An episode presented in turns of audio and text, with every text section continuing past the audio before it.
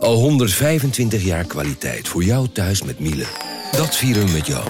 Ontvang nu tijdelijk een cashback tot 125 euro op veel Miele-apparatuur. Geniet van de kwaliteit van Miele. Voor perfect verzorgd wasgoed en kleding die veel langer mooi blijft. Voor een stralend schone vaat, even perfect als jouw diners. En een stofvrij thuis waarin echt hygiënisch schoon de standaard is. Check miele.nl voor alle feestelijke aanbiedingen. Hey podcastluisteraar. Ook op zoek naar een relevante invulling van je schaarse luisteruren? Tune dan in op de podcastserie ESG, even samengevat van BNP Paribas. Wij, Marloes en Aldert, spreken daar duurzame voorlopers en wereldverbeteraars. Waarover dan? Nou, bijvoorbeeld of we ooit duurzaam kunnen gaan vliegen. En waarom koeien in de stad nou een goed idee is? Dat en meer elke twee weken in een nieuwe aflevering. Dus abonneer je. ESG, even samengevat. Vanaf de redactie van NRC het verhaal van vandaag. Mijn naam is Thomas Ruip.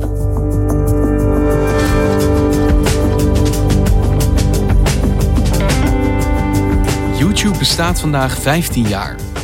Het is de tweede grootste website ter wereld. Elke minuut komt er 500 uur aan filmpjes bij.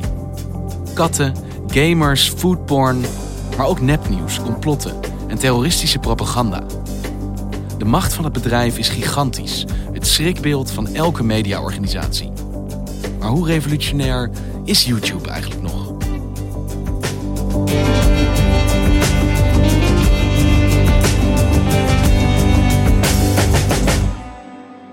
Nou, heel fijn dat je er weer bent, Reinier, op Valentijnsdag. Dankjewel, Thomas. Fijn om er te zijn. Ja. En er is wel een reden, denk ik, dat wij elkaar op deze Valentijnsdag spreken. Ja, ja. Renier Kist schrijft voor NRC over digitale media. Het is vandaag ehm 15 jaar geleden dat YouTube eh, werd opgericht. Eh, dat was op Valentijnsdag en het was niet toevallig ook dat het Valentijnsdag was, want YouTube is eh, begonnen als datingservice. Dat weten weinig mensen. YouTube is als eerste was het een datingservice? Ja, zeker. Een In de- Tinder of zo? Nou, in, in de eerste paar maanden ehm, hadden de oprichters het idee... ja, we moeten een soort praktische uitwerking hebben... voor waarom, waarom mensen video's online zouden willen plaatsen. Dat was toen helemaal niet iets vanzelfsprekends. Dus dachten ze, nou, misschien is het leuk als eh, mensen zichzelf voorstellen... in een video, in de hoop eh, singles te, te bereiken. Ze hebben zelfs advertenties geplaatst in lokale eh, kranten om vrouwen op te roepen om video's te plaatsen van zichzelf tegen betaling. Maar dat deed, dat- zelfs dat deed niemand. Dus Ehm, dat datingservice was het zacht gezegd geen succes. het was totaal geen succes en, en daar zijn ze ook vrij snel van afgestapt. Want wat, wat ze zagen, mensen gingen kattenfilmpjes plaatsen, kinder, eh, films van hun kinderen. Ehm, eigenlijk waar we YouTube nu al om kennen, eh, dat, dat sloeg meteen heel erg aan. En toen dachten ze, wacht eventjes, dit kan gewoon een platform worden waar iedereen wat hij maar ook wil kan plaatsen, zolang het bewegend beeld is. Want voordat we verder die geschiedenis induiken, wat is YouTube op dit moment? Wat zijn de cijfers? Ja, YouTube is vrij groot. Het is zelfs de één meest bezochte website ter wereld. Dus bijna 70% van alle internetgebruikers komt wel eens per maand op YouTube of kijkt naar een YouTube-filmpje. Het is ontzettend veel geld waard. Er wordt 16,5 miljard dollar per jaar mee verdiend. Ehm, er worden onwijs veel filmpjes opgeplaatst natuurlijk. Dat zal je ook niet verbazen. Maar goed, het getal is, is nog steeds wel schrikbarend. Eh, in een minuut worden er nu wordt er nu 500 uur aan videomateriaal op YouTube gezet. Als ik van die heerlijke cijfers vind ik dat. Ja. Per minuut 500 uur. Ja, Ja, dus als je je ogen dicht doet en daaraan denkt, dan word je bijna duizelig. ja, hè? Dat is gigantisch. ja.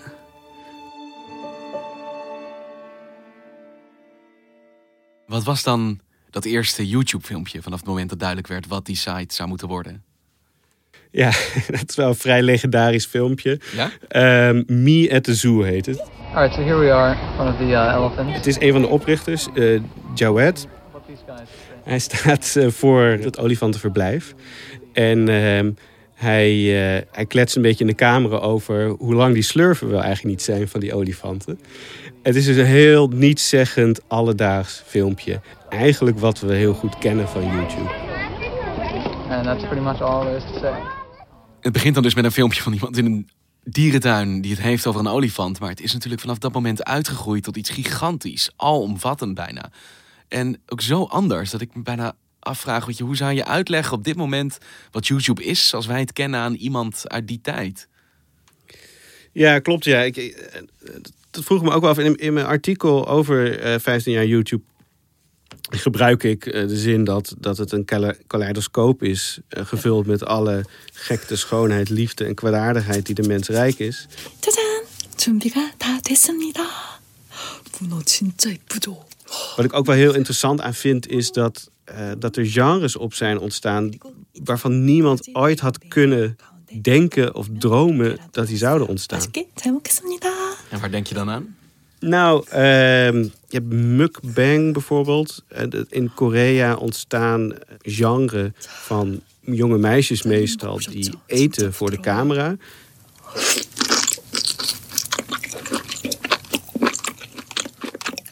Waarbij ze echt zulke groot mogelijke eh, porties van eten in hun mond eh, werken. Ehm, dus weet je, daar gaan er enorme inktvissen in en zo. Eh, Gamecommentaar vind ik ook een wonderlijk genre. That's a freaking horse! Oh my god, there's horses in Minecraft? Wie had nou kunnen denken dat miljoenen kinderen wereldwijd kijken hoe andere games spelen? Can I ride it? Ja, je hebt ASMR. ASMR. Dat zijn video's van vrouwen ook weer vaak die ehm, in de microfoon fluisteren. I actually am very excited to do this video. Of hele prettige ehm, geluiden maken. Bijvoorbeeld door, door met een kam door een haar te kammen.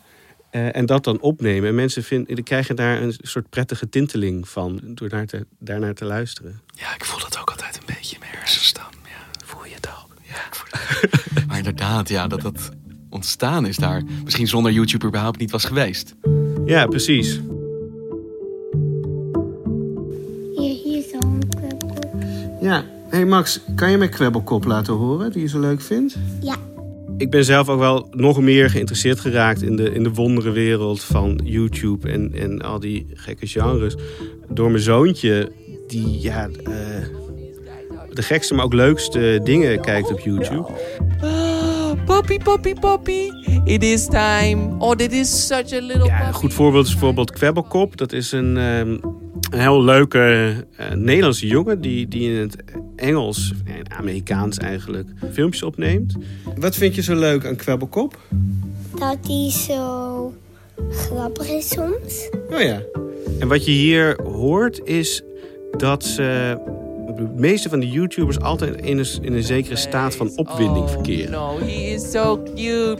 Look at this guy. He's on the roof just having such a cool En ehm, wat ik ook heel opvallend vind aan het kijkgedrag van mijn zoon... is dat hij YouTube echt veel leuker vindt dan de reguliere televisie.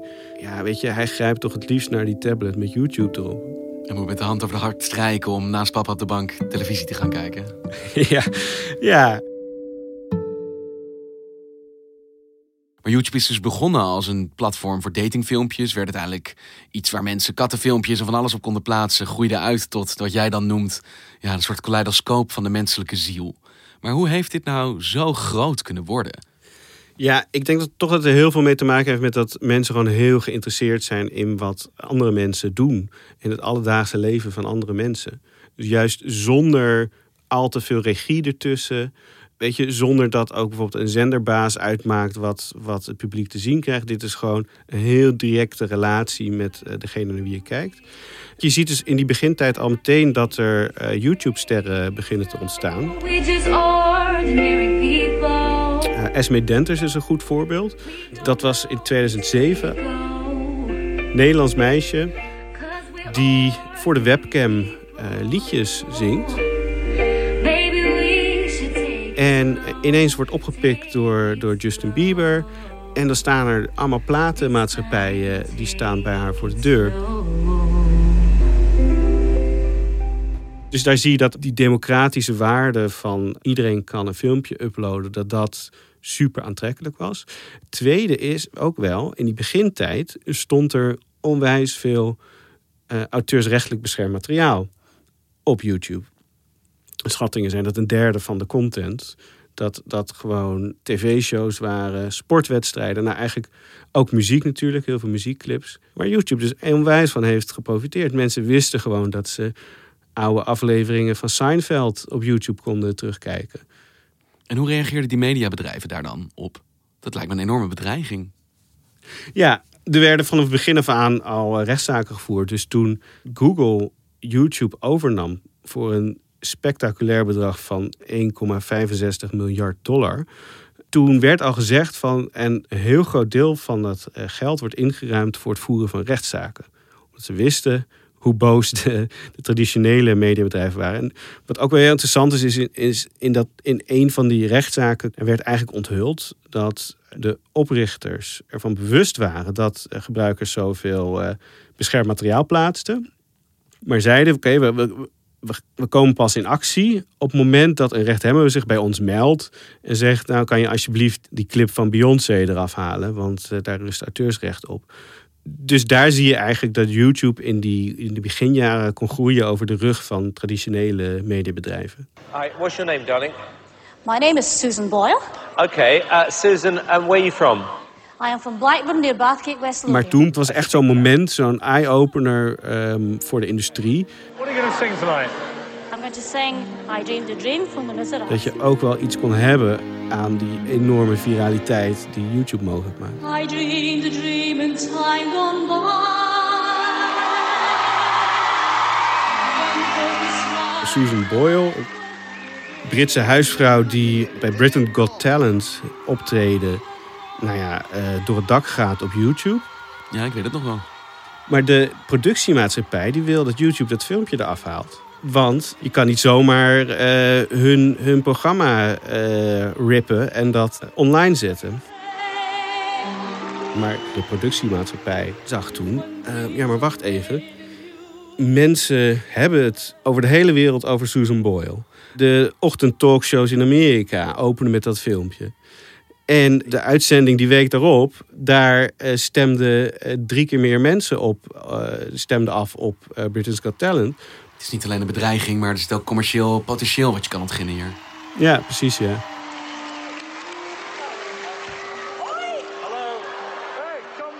Je, je ziet nu zelfs dat grote partijen als Talpa YouTubers overnemen. Dus Stuk TV is bijvoorbeeld voor een groot bedrag overgenomen door, door Talpa en content gaat produceren voor YouTube.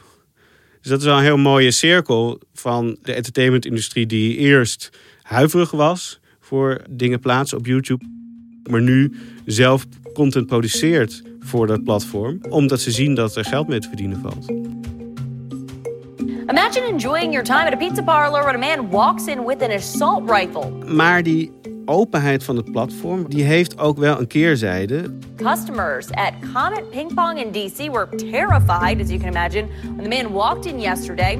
Namelijk conspiracy theories. The man said he was there to investigate Pizzagate. Waardoor iemand met een machinegeweer een uh, pizzatent is binnenkomen vallen. Omdat hij dacht dat daar een groep pedofielen uh, actief was. The owner denied the allegations. Maar het lijkt me bijna een onvermijdbaar gevolg van het concept, namelijk free for all, iedereen mag hier alles opzetten. Is dat niet het concept van YouTube? Dat dit allemaal kan? Ja, zeker. En, en YouTube weet dat natuurlijk ook. Uh, het algoritme beloont zelfs um, extreme, sensationele content. Hè, want het beloont wat het, uh, waar het meest op wordt geklikt, waar mensen het langst naar kijken. En um, je, ja, je, je, ziet bijvoorbeeld, er is ook heel veel voor gewaarschuwd dat mensen in een soort spiraal terecht kunnen komen uh, van steeds radicalere content. Um, en zo, wordt toch vaak verklaard hoe uh, jonge mensen um, heel extreme ideeën uh, kunnen krijgen. The two Dutch foreign nationals who were arrested for trespassing at the Nevada National Security Site are back in Nye County Sheriff's Office custody following their appearance in the Beatty Justice Court today, September 16th. Het is bekend dat heel veel YouTubers bijvoorbeeld gekke dingen doen om maar meer kijkers te krijgen. Bijvoorbeeld een half jaar geleden Er zijn eh, twee Nederlandse YouTubers opgepakt bij Area 51. Ehm, geheime militaire basis. Ja, waar alle ruimteschepen liggen. Waar alle ruimte... Ja, precies. We didn't want to cause uh, any trouble. It is all gone a little bit out of hand. Zij gingen daarheen en zijn natuurlijk opgepakt. But um, I mean, we learned from our mistakes and uh, it's good to be back uh, in a bit. We're not gonna be in trouble any again. So.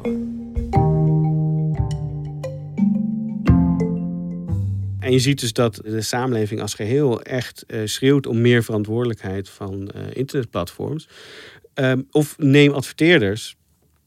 Uh, die raken zo'n platform als YouTube natuurlijk meteen het verdienmodel als hij zou gaan maken. Um, en dat gebeurde bijvoorbeeld in het voorjaar van 2017, toen er allerlei terreurpropaganda op YouTube bleek te staan met daarvoor een vrolijke advertentie van een merk als Nike of Unilever. En op dat moment gaan ze echt flink investeren in die moderatoren en in algoritmes die nou, bijvoorbeeld symbolen van terreurorganisaties herkennen. Ik, ik vind dat een heel interessant aspect aan YouTube. Dat is, is begonnen als de ontwrichter. En waarover ook werd gezegd van die, die traditionele manier van, uh, van zaken doen in de media-industrie, die is passé. De, hè, we hebben die zenderbazen niet nodig. Nou, eigenlijk is YouTube nu zelf een zenderbaas geworden, maar dan wel van de grootste zender ter wereld. ze hebben inmiddels 10.000 moderatoren in dienst om video's te beoordelen. en weet je wat die moderatoren doen?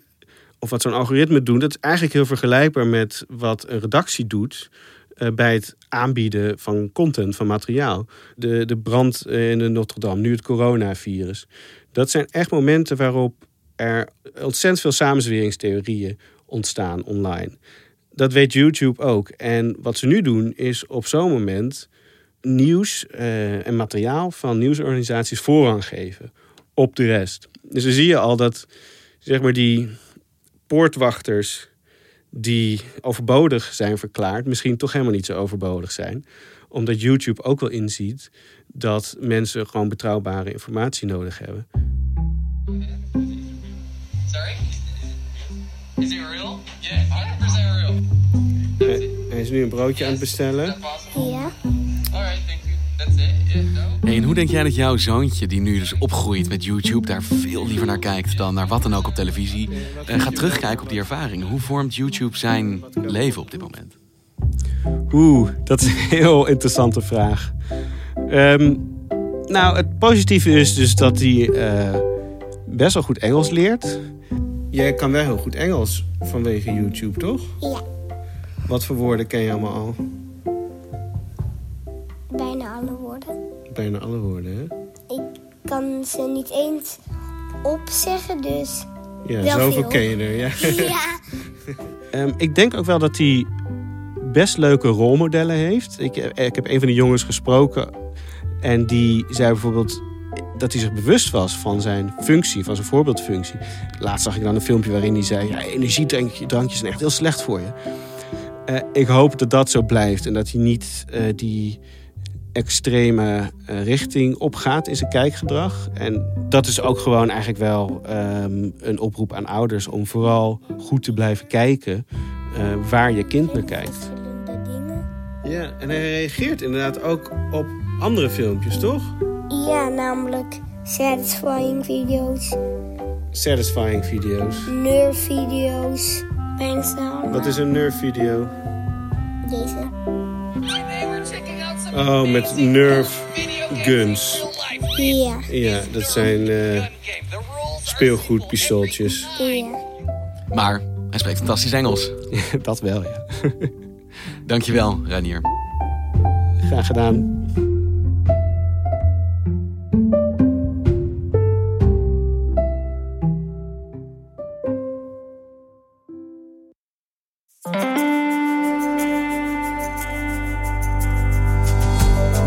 Je luistert naar vandaag, een podcast van NRC.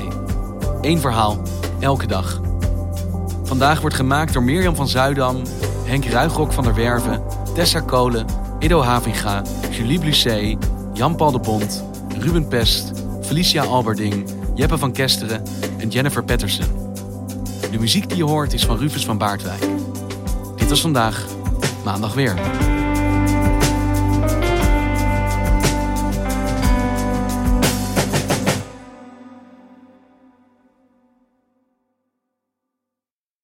Technologie lijkt tegenwoordig het antwoord op iedere uitdaging.